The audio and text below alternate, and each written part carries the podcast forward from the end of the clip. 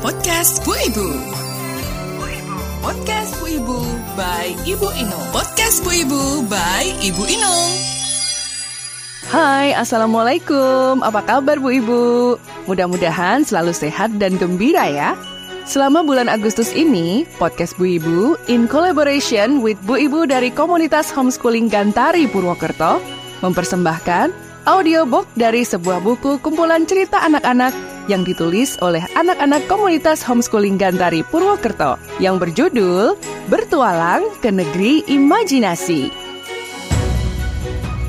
Cerita-cerita karya anak-anak ini akan disuarakan oleh ibu masing-masing sebagai salah satu upaya membantu teman-teman dan anak-anak netra untuk dapat menikmati karya-karya anak hebat ini.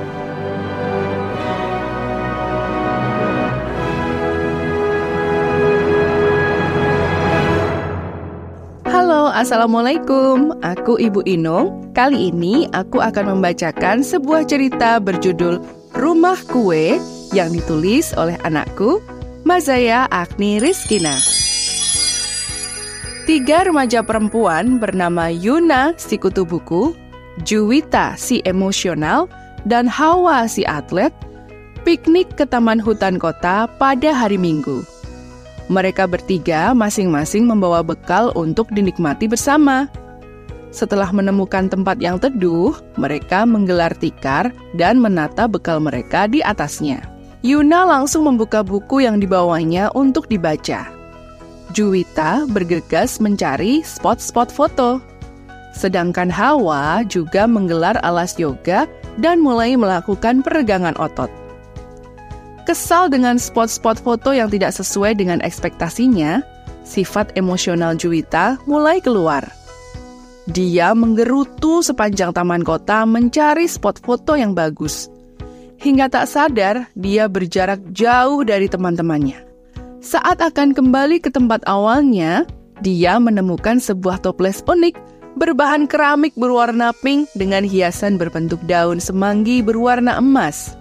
Dia langsung mengambilnya dan membawanya ke teman-temannya.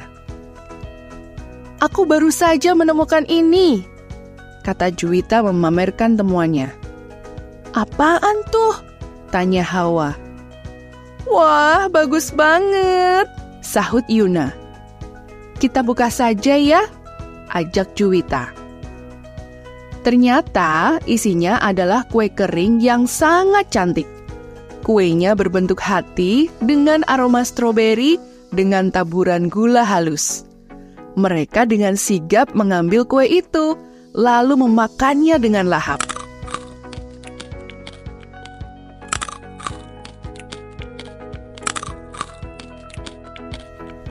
Tak lama setelah makan kue itu, mereka tertidur. Ketika mereka bangun dan membuka mata, mereka sudah berada di tempat lain di sebuah kamar bernuansa warna pastel. Mereka terkejut, lalu segera bangkit dan keluar dari kamar itu. Di luar kamar terbentang sebuah meja makan besar dengan aneka kue dan cookies di atasnya.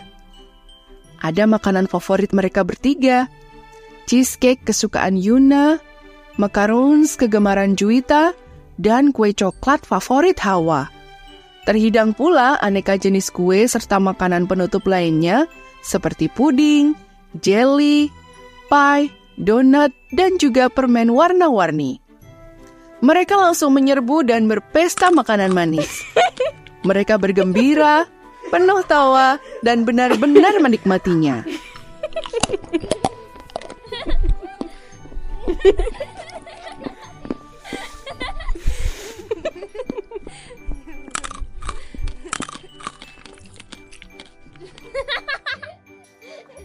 Sampai akhirnya Yuna menemukan sesuatu di dasar kue yang ia makan. Ada gulungan kertas dengan tulisan yang aneh. Yuna seketika melempar kue itu. Hal itu membuat Juwita dan Hawa bertanya-tanya, "Kenapa kuenya kamu buang?" Coba kalian lihat di dasar kue kalian. Aku menemukan hal yang aneh. Jangan-jangan di dalam kue kalian juga ada, kata Yuna. Juwita panik. sedangkan Hawa bergegas menyendok lebih dalam hingga ke dasar kuenya. Benar juga, di dalamnya ada gulungan kertas. Juwita makin panik. Dia menyendok ke dasar kuenya dengan sedikit ragu dan takut hingga tangannya gemetaran. Ternyata Juwita pun menemukannya. Mereka ketakutan. Tulisan di gulungan kertas kecil itu bahasanya aneh. Mereka menduga itu adalah sebuah mantra. Mereka lalu berusaha keluar dari rumah itu, tapi tidak menemukan pintu keluar. Mereka kemudian mencari tahu tentang rumah itu.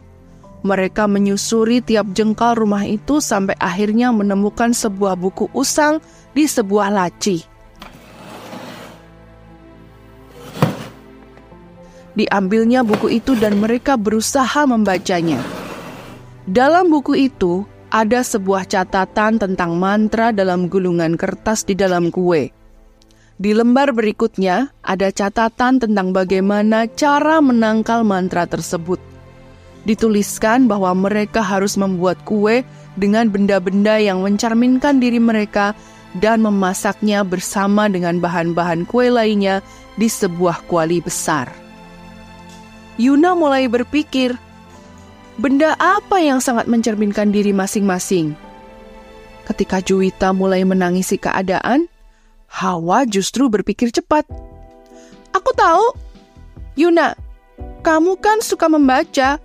Otomatis, benda yang paling mencerminkan kamu adalah buku. Juwita, kamu suka foto-foto kan? Berarti bendanya adalah kamera. Jelas Hawa. Berarti benda yang mencerminkan kamu adalah sepatu olahraga. Sahut Yuna. Berarti Kameraku dimasak. Rengek Juwita tidak rela. Mau tidak mau harus seperti itu, biar kita segera keluar dari sini, tegas Hawa. Mereka bertiga segera mengumpulkan bahan dan alat yang dipakai untuk membuat kue. Sekitar 45 menit pembuatan kue itu akhirnya selesai.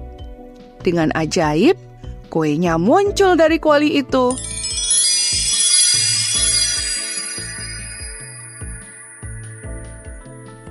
Kata bukunya, kita harus makan kue ini, kata Yuna. Beneran nih? Tanya Juwita sedikit ragu dan cemas. Udah, langsung makan aja. Berdoa aja, lalu makan. Kunyah, lalu telan. Ajak Hawa dengan tegas. Mereka lalu menyendok dan memakan kue itu. Mereka berusaha mengunyah dengan lapang dada berusaha tidak terlalu peduli dengan rasanya. Mereka berusaha sekuat tenaga menahan agar tidak memuntahkan kembali apa yang mereka makan dan berusaha menelannya. Dengan hitungan satu, dua, tiga dari Hawa, mereka menelan kue itu bersama-sama. Seketika itu, mereka seperti tertarik keluar dari rumah itu dan mendapati diri mereka berada di tikar yang mereka gelar di taman. Mereka lega bisa terbebas dari rumah itu. Tapi benda-benda yang mereka bawa hilang. Terima kasih telah menyimak cerita hebat karya anak hebat. Nantikan cerita lainnya di episode berikutnya.